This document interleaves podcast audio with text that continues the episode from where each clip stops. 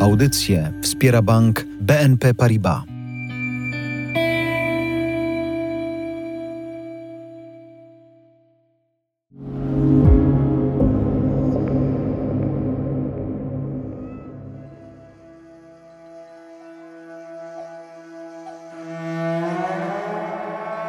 Józef Wancer, legenda polskiej bankowości, urodził się 26 maja 1942 roku. Miejscem jego narodzin był radziecki łagier w Republice Komi, do którego dwa lata wcześniej zostali zesłani jego rodzice i bliscy. Sploty okoliczności, intuicja rodziców, a może i łód szczęścia sprawiły, że rodzina Wancerów przetrwała pobyt w Gułagu i po wojnie wróciła do Polski. Posłuchajcie jego opowieści. Koniec PRL stał się przełomowym momentem nie tylko w historii naszego kraju, ale też w życiu Józefa Wancera. Na wieść o tym, że 4 czerwca skończył się w Polsce komunizm, zareagował entuzjastycznie. Po 25 latach pracy w banku był szanowanym seniorem. Nie do zwolnienia. Sam sobie zadawał jednak pytanie, gdzie jest pasja, bez której nie umie żyć? Powrót do Polski był sposobem na wykorzystanie swoich umiejętności, znajomości języka i uwarunkowań kulturowych, a jednocześnie nową kartą w karierze i życiu. Do końca lat 80.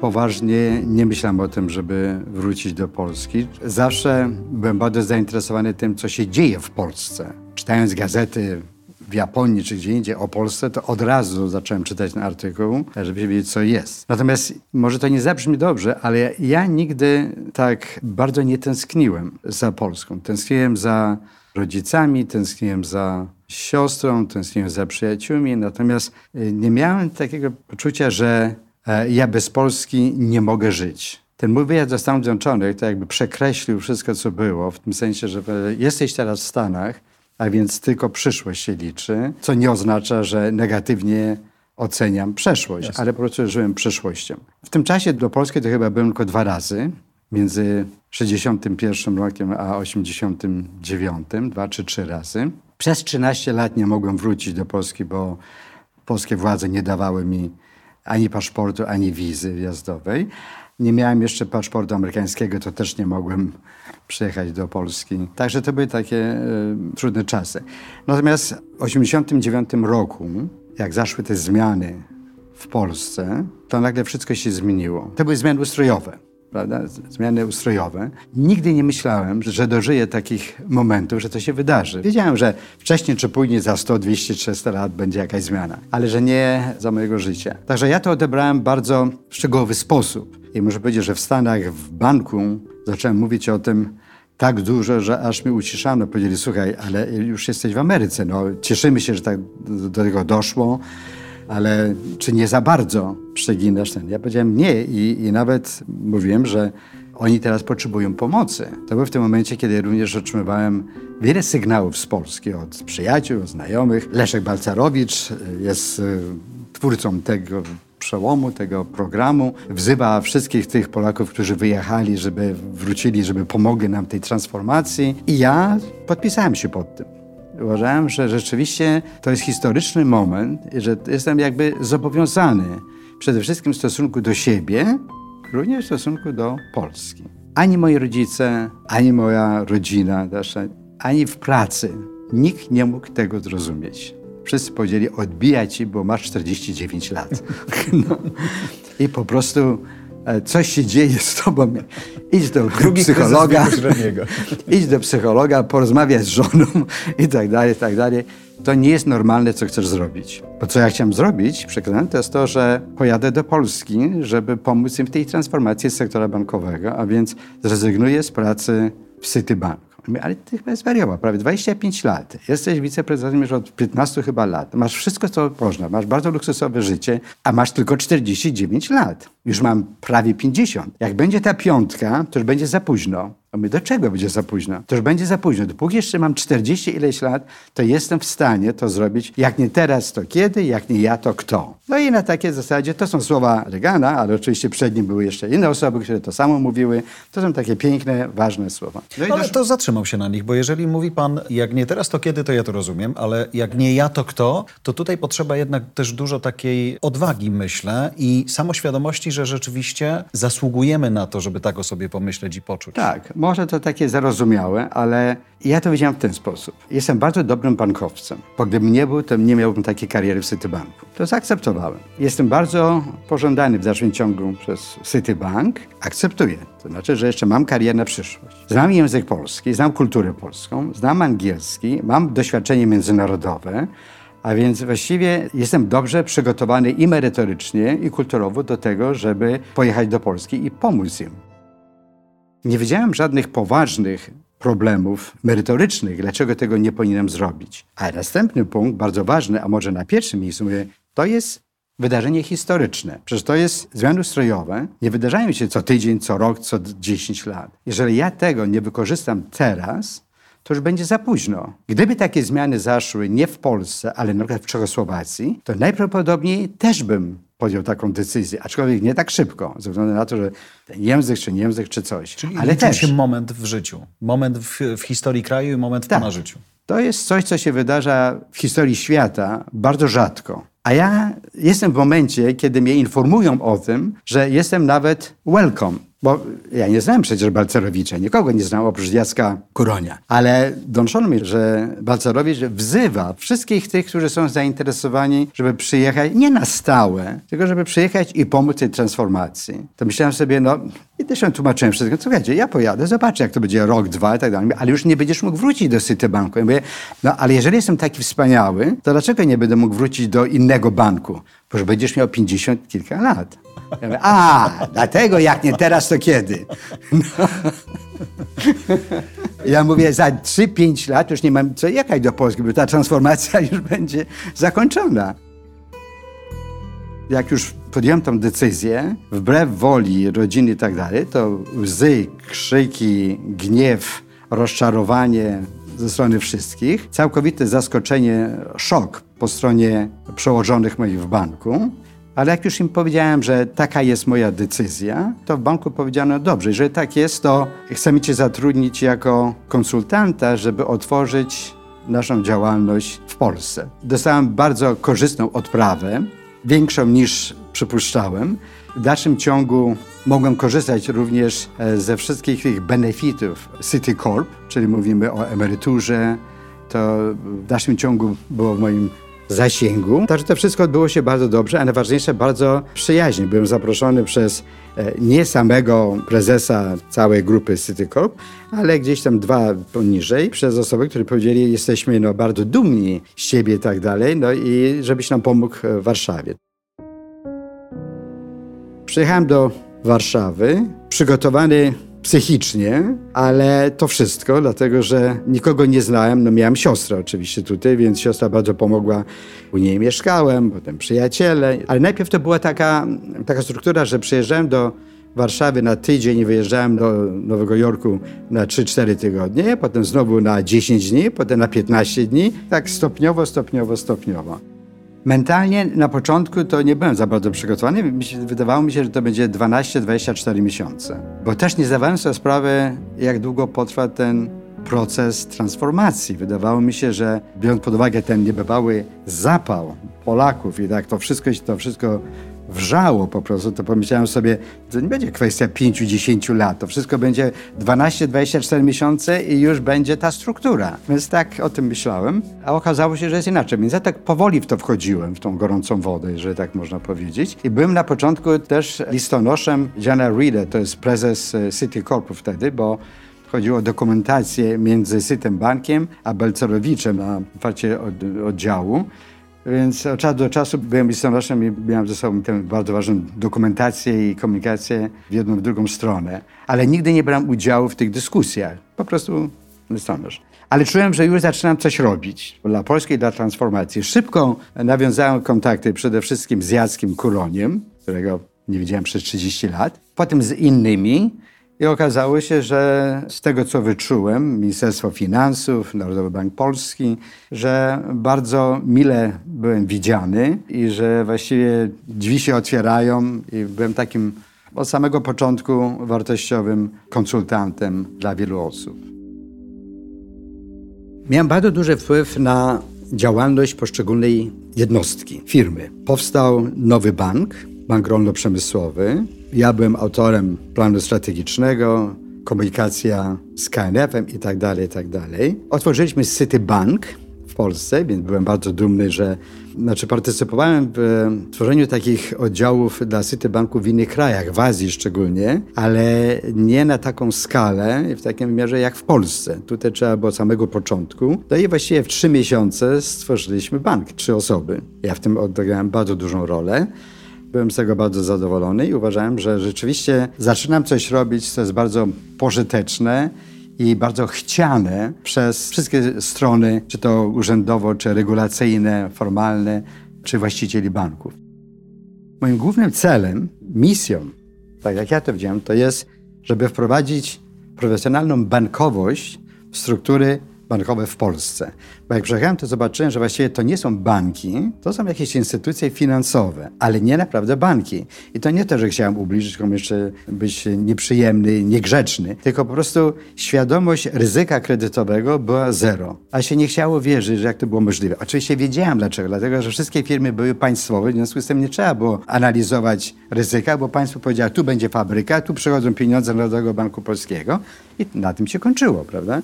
Teraz świat był inny. Widziałem niebywałe zamieszanie i konflikty wewnętrzne wśród ludzi, którzy młodzi ludzie, którzy po prostu poprzez swoje ambicje przepychali się, żeby stać się bardzo ważnym pionkiem w tej całej instytucji, ale którzy w ogóle nie mieli pojęcia, od czego zacząć. Nie rozumieli pewnych takich bardzo konkretnych założeń bankowych chociaż skończyli studia. I byłem bardzo dumny z tego, że ja byłem tą osobą, między innymi, bo przecież takich było dużo, dużo, która potrafiła w sposób efektywny przekazać mądrości sektora bankowego na Zachodzie.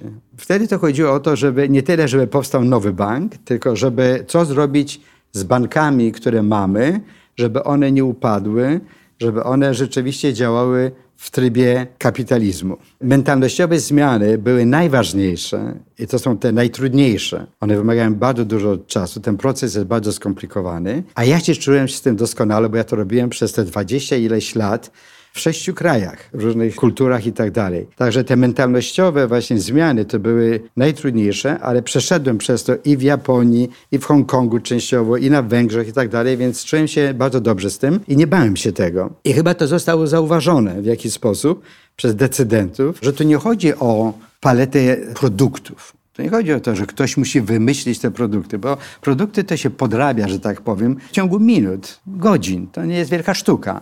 Chodzi o to, w jaki sposób wykorzystać talenty, możliwości pracowników, żeby dana instytucja zapewniała sobie przyszłość na następne 100 lat. Bo żeby być na następne 100 lat, to znaczy, że trzeba być bardzo dobrym bankiem dla społeczeństwa. Nie tylko dla prezesa, ale dla społeczeństwa, bo inaczej bank pada. I to było bardzo trudne. Szukałem, właśnie, że myśl o kliencie jest ta najważniejsza myśl ze, ze wszystkich, których się ma. Zmiany mentalnościowe zachodzą cały czas. Życie polega na tym, że ciągle coś się zmienia, w związku z tym zawsze dotyka to naszej mentalności. To jest tylko kwestia, do jakiego stopnia chcemy wpłynąć na zmiany tej mentalności.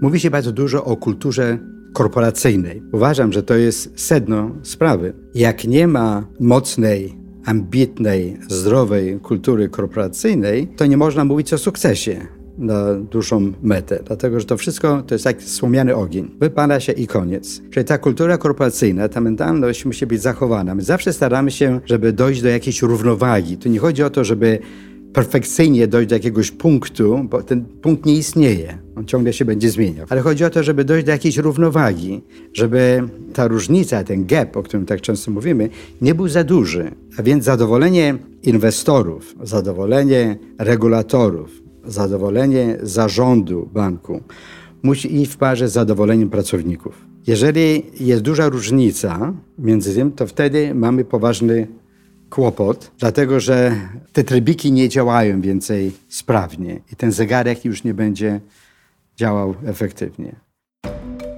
Po 31 latach pracy w Polsce Józef Wancer wciąż chętnie dzieli się swoim doświadczeniem i energią do działania. Jest nestorem współczesnej polskiej bankowości. Był m.in. prezesem zarządu Raiffeisenbank Polska, banku BPH. W 2010 roku został doradcą zarządu Deloitte w Polsce. W latach 2013-15 był prezesem zarządu banku BGŻ, przekształconego później w BNP Paribas Bank Polska. Do czerwca 2021 roku pełnił funkcję członka Rady Nadzorczej i przewodniczącego Rady Nadzorczej tego banku. Później złożył rezygnację, by mieć więcej czasu dla rodziny. Aktywnie działa w fundacji Auschwitz-Birkenau. Traktuje to miejsce jako ostrzeżenie dla przyszłych pokoleń. Uwaga! To może zdarzyć się jeszcze raz. Te ostatnie kilka lat znowu były bardzo takim okresem zaszczytnym dla mnie. Czułem się bardzo zaszczycony reakcją sektora bankowego. To, że mając 70 plus lat, zostałem zaproszony do zarządu banku dużego, żeby wziąć udział w bardzo ważnych zmianach restrukturyzacyjnych, żeby zakończyć pewne fuzje. To było 5-6 fuzji w ciągu 4 lat. I ten fakt właściwie był takim przełomowym momentem dla mnie, żeby również zdać sobie sprawę, że bez względu na to, ile mam lat, dopóki komórki jeszcze działają i inni są zadowoleni z tego, co robię, to warto skupić się na tym i warto siebie dać jeszcze więcej. Muszę powiedzieć, że ja nie jestem liderem tej nowoczesnej technologii, ale staram się przynajmniej zrozumieć to, co jest na drugim czy trzecim szczeblu, na tyle, żeby po pierwsze funkcjonować prawidłowo jako user Wancer, jako obywatel, jako człowiek, a po drugie również jako bankowiec, a po trzecie, żeby również pomóc innym, którzy być może mają z tym jakiś kłopot. W dzisiejszych czasach, znaczy ta pandemia nawet, tak jak ona jest taka okrutna dla nas wszystkich, to jednocześnie stworzyła niebywałe możliwości rozwojowe dla ludzi, dla firm. Technologia się rozwija. Ja zawsze byłem bardzo za rozwojem technologii, natomiast uważam, że teraz czasami to się dzieje za szybko dla dużej części społeczeństwa. Dla innej części społeczeństwa to może jest w sam raz i to jest doskonale i tak to powinno być. Ale jako, że jesteśmy krajem starzejącym się, tak jak wiele innych krajów, dużo więcej starszych osób, emerytów niż to powinno być, to musimy zwrócić uwagę na potrzeby tej dużej, rosnącej grupy. Grupa, która nie zawsze e, może podążać za tymi wspaniałymi zmianami w technologii. Ale technologia to jest tylko jedna rzecz, bo to w dalszym ciągu jest e, wynik pracy człowieka. Bo to tak nie przechodzi z kosmosu gdzieś tam. Natomiast gorzej jest, jak my kształtujemy w tej chwili nasze relacje międzyludzkie. To jest poważny problem. I w tych czasach, gdzie technologia się zmienia tak szybko, gdzie tylu ludzi jest w pewnym sensie w zawieszeniu, gdzie powinniśmy być, co robić, to jest bardzo niebezpieczne, że my rezygnujemy z takich podstawowych zasad utrzymania relacji człowiek z człowiekiem. Słownictwo, czyli komunikacja. Coś, co już było problemem kilka lat temu. Ja nawet próbowałem pisać na ten temat, to w jednym przypadku to nawet powiedzieli, że nie mogą tego wydrukować, bo nie, nie będzie takiego pozwolenia, ale to był taki z mojej strony krzyk rozpaczy. Politycy, do czego doprowadzacie? Słownictwo, które używacie, zaczyna być używane teraz przez młodzież. Bez rozumienia, tylko po prostu wyraz emocji, ale zupełnie w nieodpowiedni sposób. My teraz już nie potrafimy usiąść przy stole i rozmawiać, bo tyle rzeczy sobie powiedzieliśmy, okrutnych, że po prostu nie ma sposobu, żeby nagle o tym zapomnieć, bo wybaczyć można, ale zapomnieć nie. No i właśnie to jest na ten problem. Dlatego ja widzę ten problem, dlatego uważam, że fakt, że jestem proszony przez różne instytucje, żeby brać udział w tym dialogu, człowiek jest dobry, a to, co się dzieje niezłego, to jest tylko przypadkowe, to jest tylko tymczasowe, ale wierzmy w to, że człowiek jest dobry i w związku z tym wyjdziemy z tego impasu, bo inaczej to jest koniec cywilizacji, prawdę mówiąc. W Citibank Austria byłem odpowiedzialny m.in. za HR. Pamiętam jedną szczegółową rekrutację na stanowisko asystentki dyrektora HR.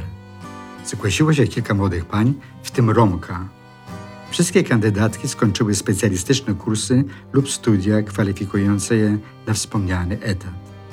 Trzy najlepsze kandydatki zostały mi przedstawione do dalszych rozmów i decyzji. Pani dyrektor wydała opinię o każdej z kandydatek.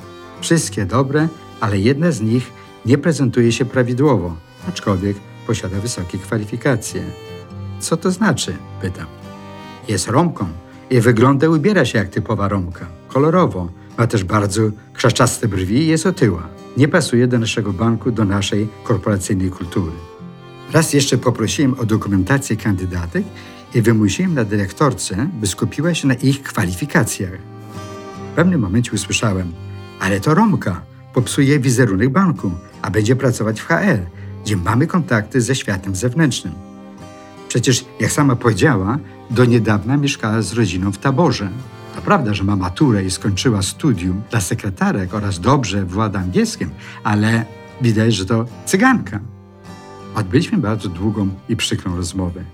Nie ma miejsca na rasizm w tej organizacji, powiedziałem. Moja decyzja, zatrudniliśmy Romkę, panią Reginę Blach. Cuda się zdarzają. Po kilku tygodniach bardzo trudnych starań dyrektorka przeszła metamorfozę. Nie myślałem, że będzie ją stać na taką tolerancję. Dała kandydatce szansę i sama dopilnowała, żeby wszyscy traktowali ją profesjonalnie i z szacunkiem. Wspaniały sukces i jednocześnie pierwszy taki przypadek w Citibank Austria. Różnorodność. Ta różnorodność musi być widziana jako coś, co jest bardzo pozytywne. Pytano mnie, ale co ty widzisz w tej różnorodności? I moja odpowiedź była od samego początku. Jak ja rozmawiam z ludźmi z różnych krajów i każdy z nich mi mówi coś o danym temacie, ale coś, o czym nie wiedziałem, to to jest to dobro, które ja otrzymuję przez różnorodność. To jest informacja, którą ja otrzymuję. I w związku z tym to jest edukacja dla mnie. W związku z tym, co w tym jest złego? Jeżeli widzę na przykład, że są starania, żeby było więcej kobiet na takich stanowiskach ważnych. No, ja to robiłem w latach 60., 70., czyli 50 lat temu w Stanach Zjednoczonych. Ja byłem jednym z tych, którzy zgłosili się do takiego teamu ludzi, rekrutacji. Na uniwersytetach amerykańskich było takie podejście, że 10% nowej, świeżej rekrutacji to ma być zarezerwowane dla mniejszości. W Stanach mniejszość to jest kobieta, kolor skóry, czyli czarnoskóra albo kolorowy. I trzeci to był wtedy weteran wojny wietnamskiej. No bo to były w latach 70. Oczywiście szczytem sukcesu było, żeby znaleźć kobietę czarną i która była w wojsku w Wietnamie. No to wtedy dostawało się trzy punkty od razu za taką rekrutację. No ale to tak żartobliwie mówię. I bardzo wiele osób, moich kolegów powiedzieli, ty chyba zwariowałeś, że zgłasza się, żeby coś takiego robić. Ja to robiłem chyba przez jakieś 9 miesięcy do roku. Między innymi inna praca, ale to było dodatkowe, bardzo ważne. Ja mówię, tak, to jest bardzo ważne, bo my musimy na siłę wymusić pewną reakcję społeczeństwa, a potem to już będzie się działo samo. Ale na początku trzeba w jakiś sposób zorganizowany, strukturalny zacząć e, pracować nad tym. I mamy ten sam problem dzisiaj w Polsce. I tak, Polska jeszcze nie jest na ostatnim miejscu pod tym względem, jak porównujemy nawet do Niemiec czy do innych krajów, to jestem bardzo tym zaskoczony. Ale przez tą różnorodność, równouprawnienie, to są rzeczy, które są dla mnie bardzo bliskie i dlatego bez względu na to, że mam to 80 lat, to ja mogę to zrobić bardzo efektywnie w dalszym ciągu, rozmawiając z ludźmi, z organizacjami i robiąc coś w tym kierunku. I to mi daje tę energię, żeby kontynuować. Myślę, że też Pana historia, którą opowiedzieliśmy przez te kilka odcinków, daje Panu, a jednocześnie słuchaczom, taki ogromny komfort tego, że mają jako partnera osobę, która całym swoim życiem zaświadczyła, że wie o czym mówi. Ja tak to czuję i czuję, że to jest, znowu, tak może nie zabrzmi bardzo ładnie, ale to jest moja misja. Ja czuję, że ja muszę to zrobić dla siebie przede wszystkim do końca mojego życia, po to, żeby moje dzieci i wnuki wiedziały również, że to jest ta główna autostrada. Nie muszę jechać 100 km na godzinę to ja będę jechał 20 km godzinę, ale muszę być na tej autostradzie. I żeby również doświadczyć, do jakiego stopnia mam wpływ na zmianę podejścia do tego tematu w naszym społeczeństwie. Już nie mówię społeczeństwa innych krajów, ale w Polsce. Dlatego też bardzo jestem zaangażowany w tym, co robimy w Auschwitz-Birkenau, w fundacji, w muzeum, Auschwitz Pledge i jeszcze inne organizacje tego rodzaju, bo wszystko to dotyka relacji międzyludzkich i dopóki nie ma tej tolerancji, to będziemy mieli kłopot. Z Józefem Wancerem rozmawiał Jarosław Kuźniar. Produkcja Voice House. Kierownictwo produkcji Adrian Gronek-Liszka. Redakcja Dorota Żurkowska i Agnieszka Szypielewicz. Montaż dźwięku Katarzyna Czubaszek i Jerzy Pieniążek. Udźwiękowienie Kamil Sołdacki. Grafika Dorota Nikiel, Nowy Kolektyw. Konsultacja historyczna Andrzej Krajewski. Czytał Daniel Kondraciuk.